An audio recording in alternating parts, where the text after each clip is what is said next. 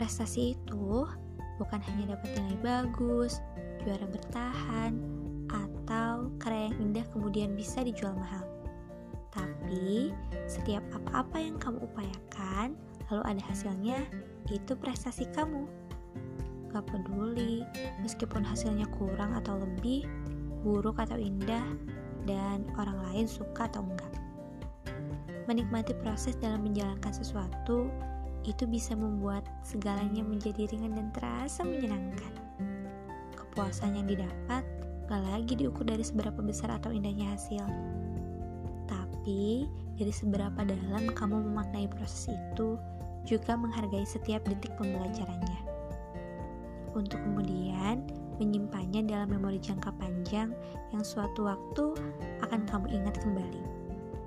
Itu sebabnya muncul definisi bahagia itu sederhana. Selain mudah didapat, jatuh bangun saat berproses bisa juga membahagiakan. Sesederhana itu. thank you